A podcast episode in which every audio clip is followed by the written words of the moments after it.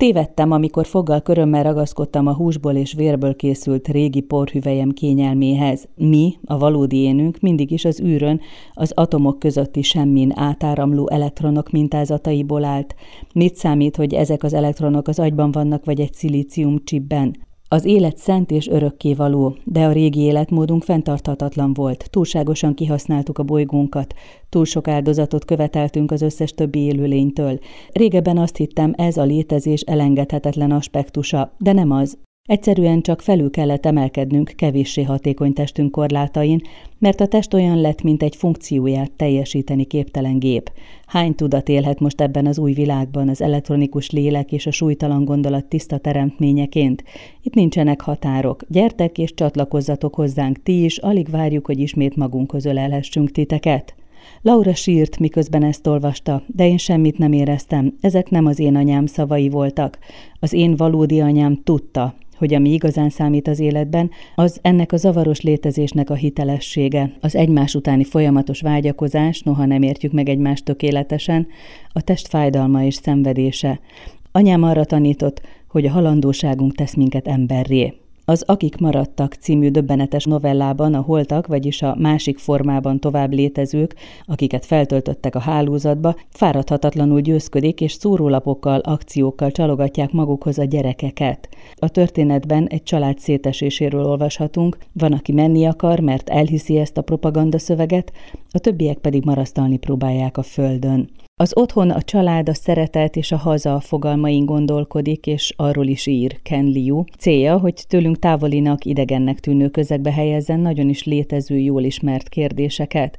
A novellái megjelenítik a 21. századi ember világát, vágyait és küzdködését, sokszor a technológiához való kapcsolatán keresztül. Az Istenekkel nem lehet végezni című 18 történetet tartalmazó kötet szerzője, a modern science fiction egyik legnagyobb hatású alkotója. Molnár Bertával, a kötet egyik fordítójával beszélgetünk róla. Azt gondolom, hogy egy nagyon sajátos szemlélettel dolgozhat ő, ahogyan valahogy a világra tekint, meg az emberiséget foglalkoztató legnagyobb kérdésekre, problémákra átjárót tud szerintem teremteni, így a régi korok és az új között is, meg a nyugati és keleti világ között is. Ha például az előző novellás kötetére gondolunk, a papírselegret és más történetekre, abban is ugye azért azt láthattuk, hogy alapvetően keleti, ugye Kínával ő nagyon sokat foglalkozik, meg sokat szerepelnek a, a novelláiban is ilyen származású emberek, hogy őket abszolút így egybehozva az amerikaiak mellé hozva szerepelteti őket, mint hogyha a történeteiben már túl lennénk mondjuk azon a ponton, ahol ez ilyen nagyon erősen meghatározó, hogy valaki keletről, nyugatról, milyen országból, milyen háttérből származik, hanem mint hogyha az emberiség lenne már inkább a szereplő. Azt mondod, hogy olyan kérdésekkel foglalkozik, ami mindig is foglalkoztatta az embereket, de összefoglalóan elmondod, hogy milyen kérdések ezek? Minden novellája mélyén ő azzal foglalkozik, meg arra keresi a választ, hogy mitől lesz ember az ember mi az, ami minket meghatároz, mi az, ami létünket, tényleg az emberségünket megalkotja, melyik az a pont, amikor azt mondhatjuk, hogy valaki már nem ember, hiába létező, és a legtöbb novellájában ez ugye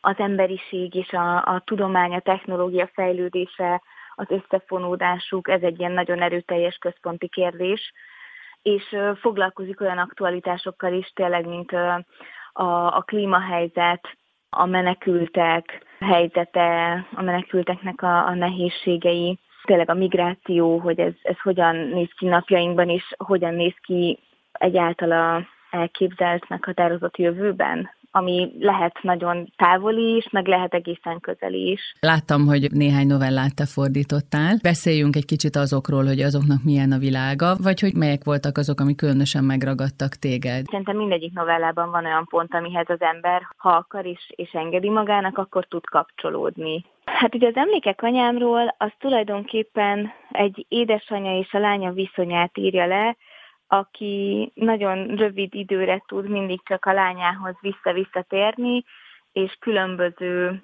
életszakaszaiban látja mindig egy kicsit. És ez az ő sajátos viszonyunknak, meg a történetünknek az alakulását írja le ez a novella, hogy ö, hogyan változik az anya is, a lány is, egymástól függetlenül is, illetve egymásnak a tükrében egymással összefonódva Mert hogy a lány itt marad a földön, ugye anya meg űrutazás miatt sokkal, hogy mondjam, lassabban öregszik, vagy hát fölötte nem Igen, ér el az egy, idő. Egy, kicsit egy ilyen fordított történet is, mert mintha a lány öregedne, az édesanyja pedig, ha nem is visszafele fiatalodik, de hogy fiatal marad. És ugye hát ez nagyon magas szintű technológiát feltételez, meg az is jelenik meg ugye a történetben, és ebből kifolyólag nagyon érdekes kérdéseket vet föl, hogy az együtt töltött idő, hogy látjuk a másikat felnőni, és hogy ez hogyan határoz meg egy emberi kapcsolatot, egész konkrétan egy anya-lánya viszonyt. És a másik? A másik pedig a meccés. Ezt érzem egy picit, így átolvasva a történeteket, egy picit, mintha kilógna. De közben azon töprengtem így a többi történet függvényében is, hogy ez most ez is a jövőben játszódik-e, vagy a múltban, mert ebben megjelenik egy ilyen szerzetes rend tulajdonképpen, akik egy szent könyvet tartanak nagyon nagy becsben, és az egész vallásuk, vagy az egész rendjük az ennek a könyvnek a szolgálatában, folyamatos megismerésében és annak, hát nem is tudom, tisztogatásában vagy tökéletesítésében rejlik, mert ez a rend azt csinálja, hogy folyamatosan újra és újra átolvassák ezt a könyvet, és próbálják mindig azokat a szavakat kimetszeni, kiválogatni a szövegből, ami nem igazán fontos, ami nem a lényeg. Mi marad bent? Hát, igen, inkább az az izgalmas, Aha. hogy mi marad bent. Azt a részt keresem, ahol így erről nyilatkozik, hogy mi az, ami így számukra fontos. Igen, azt írják, hogy azért csinálják ezt, mert az ugye az elképzelésük, hogy ez a könyv még olyan emberektől származik, akik még közvetlenül kapcsolatban álltak az Istenekkel. De hát ugye, mint ahogy a minden emberi emlékezés, a minden emberi gondolat, az idő előre haladtával, meg ahogy egyre többször felfelidézzük az emlékeinket, a tapasztalatainkat, mindig egy kicsit módosul, mindig rárakódik egy újabb réteg, pusztán azáltal, hogy ugye az emlékezetünkbe idézzük őket. És ezért ők azt gondolják, hogy hogy ez az emlékezés folyamata az egy kicsit megváltoztatja az eredeti szöveget, az eredeti gondolatokat, és ezért, amit mi igaznak vélünk, az nem feltétlenül az. És ők erre törekszenek, hogy megvizsgálva ezeket a szövegeket, és ezt a sok-sok rétegnyi hasonlatot és leírt gondolatot próbálják megtalálni az igazságot a szavak mélyén, és azokat a szavakat, mondattöredékeket meghagyni csak, amik valóban az igazságot fejezik ki, vagy az igazságot takarják.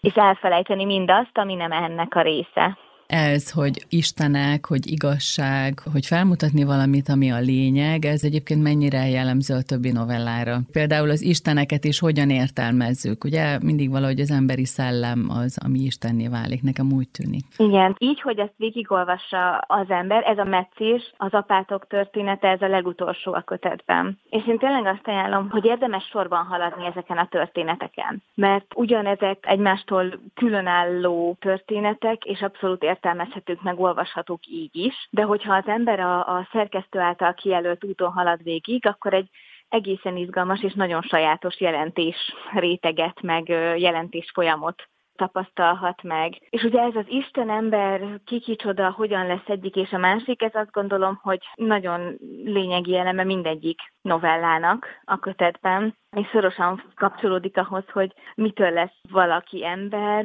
miben rejlik az emberségünk, és azáltal, hogy a technológiát megpróbáljuk olyan szinteken használni, amikre még nem volt példa, és megpróbáljuk teljesen a saját uralmunk alá hajtani, azáltal mennyiben lépünk be egy kicsit egy Isten szerepbe, és hogy ez mit okoz az emberek számára, az emberiség számára. Fontos arról a több részből álló történetről beszélni, aminek ugye a kiinduló pontja az, hogy van egy kislány, akit zaklatnak az osztálytársai, és nagyon magányos, és mi a társa tulajdonképpen a gép előtt ül, és egyszer csak emojikkal valaki elkezd vele kommunikálni, és ő ráismer erre. Tulajdonképpen ennek a novellának az az egyik ilyen központi gondolata, vagy, vagy vezérfonal, vonala, hogy ugye az emberek a novella tanúsága szerint már régóta kísérleteznek azzal, hogy részlegesen vagy egészlegesen az emberi tudatot feltöltsék a felhőbe, a gépekbe, és ezáltal test nélkül is tovább tudjanak élni. Azt gondolom, hogy ez elég sok science fiction novellának már, vagy filmnek ugye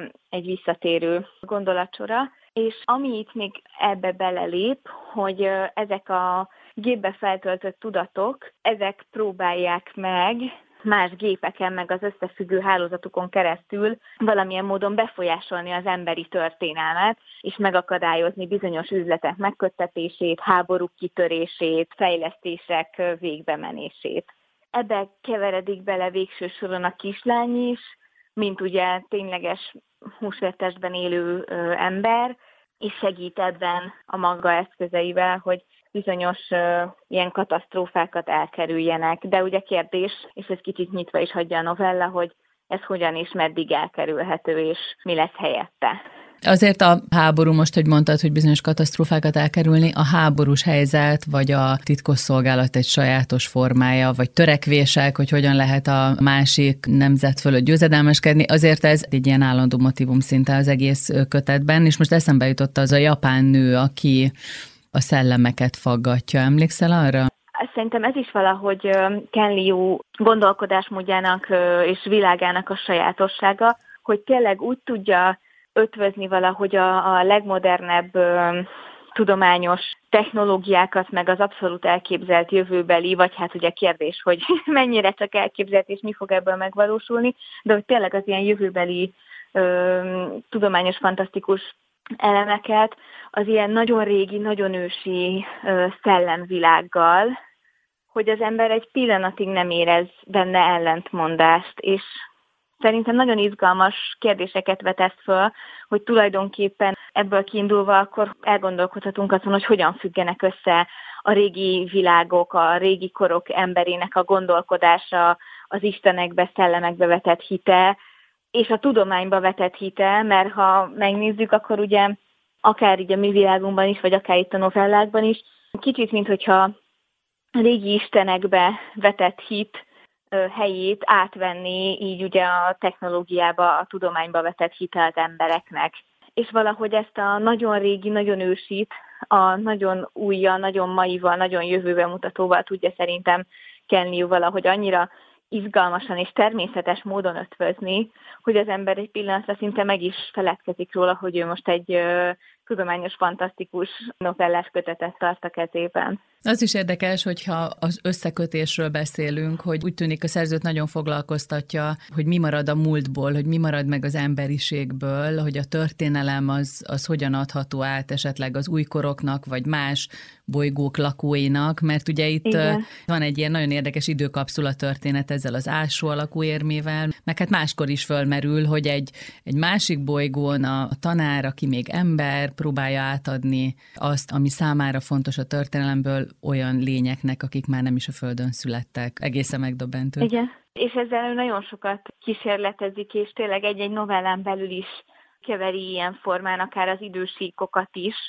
meg több novellája hatalmas, több száz vagy több ezer évnek az elteltét is felöleli akár. És igen, ez is ugye megint visszavezet minket a egyik, azért mondtam, hogy szerintem ez a központi kérdése Ken Liu-nak, ami különféle novelláin belül különféle módozatokban jelenik meg, hogy, hogy mit tesz minket emberré, mire jó az emlékezetünk, mire kell emlékeznünk, a múlt hogyan határoz meg minket, mekkora jelentőséget kellene tulajdonítani, vagy tulajdonítunk neki, akár öntudatlanul, akár szándékosan, hogy miért fontos az, hogy majd amikor ezer év múlva, kétezer, háromezer év múlva az emberek már más bolygón élnek, akkor mit adhat nekik az, hogy, hogy ismerik azt, hogy ők honnan származnak, és ismerik az emberiség történelmét.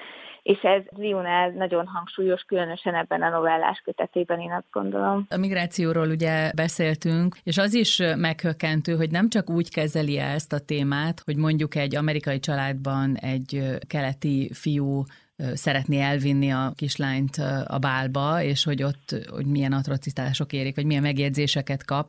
Nem tudjuk ugye, hogy mikor játszódik a történet, Igen. de hogy ez egy fájdalmas pont. De ez is érdekes, amikor az ember válik migránsá egy másik bolygón. Igen, így van. Tehát, hogy uh-huh. mondjuk a földön belüli vándorlás, az tulajdonképpen nagyon hasonló érzelmi vonatkozásokat hoz magával, mint hogyha az ember a világűrben vándorol és különböző bolygók meg csillagrendszerek között bolyong.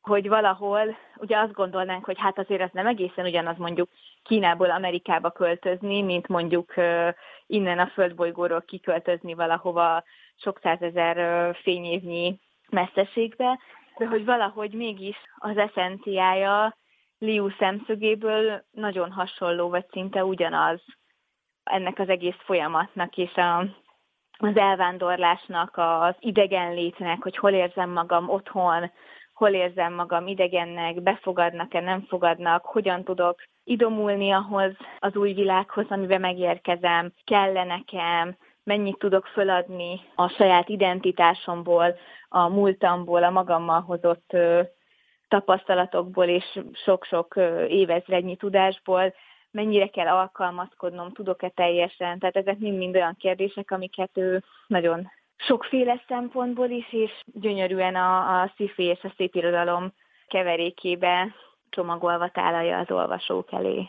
Lehet arról beszélni, hogy milyenek az ő karakterei? Úgy értem, hogy mennyire kidolgozottak, vagy például, hogy mire fókuszál, mert amíg olvastam, ez nem jutott eszembe, csak most, hogy beszélgetünk róla, így föl-föl villannak dolgok, és hogy tulajdonképpen milyen jelentősége van annak, hogy a tudás vagy a technológia mellett ott vannak az emberi érzelmek, a legkisebbek vagy a legnagyobbak, most nem csak a szeretet, hanem minden más is. És eszembe jutott az a teljesen mai történet, apa nélkül nő fel a kislány, de az anya meghal, és a kislány az apjával kell, hogy egy űrhajóban most már járja a, az univerzumot, a világűrt, és hogy kettejük között mi történik. Tehát, hogy ez annyira apró emberi történet, csak kihelyezi. Igen, nekem is így az volt az érzésem sokszor, ahogy így olvastam a történeteket, meg ebbe a világban lépkedtem, kalandoztam, hogy tulajdonképpen mindegy is, hogy most a Földön vagyunk, Amerikában vagyunk, Kínában vagyunk, a Jupiteren vagyunk, vagy sok-sok ezer fényévnyire vagyunk innen, hogy mégis van valami az emberben, az emberi kapcsolatokban, az emberi működésmódban, ami mindegyik világban és létezésmódban ugyanaz. Milyen sok a gyerek a Igen. történetekben, hogy mint hogyha ők lennének a titkok tudói, vagy azok, akik megmenthetik a világot, vagy a szüleiket, Hát igen, a jövőt. mert valahol igen, van egy ilyen üzenete is szerintem a legtöbb novellának, hogy például azok a szereplők, akik valamilyen áldozatot hoznak, akár saját életüket is feláldozzák, vagy a, a maguk boldogulását, hogy mindig arra hivatkoznak, hogy a jövő érteszik ezt, hogy az utánuk következő nemzedékekért, generációkért, és sokszor kerülnek igen olyan kulcs pozícióba a fiatalok is, és tényleg akár a gyerekek is, akik képesek meghatározni azt a jövőt, hogy milyen lesz, és azáltal, amit kapnak a, a felmenőiktől, az őseiktől, abba bíznak, hogy ez elegendő lesz ahhoz, hogy, hogy ők majd a jövőbe tudjanak boldogulni, és akár fordítsanak is a világ sorsán, vagy egy kicsit jobbá tehessék a saját jövőjüket. Az istenekkel nem lehet végezni. Ken Liu novellás kötetét az Agave könyvek jelentette meg.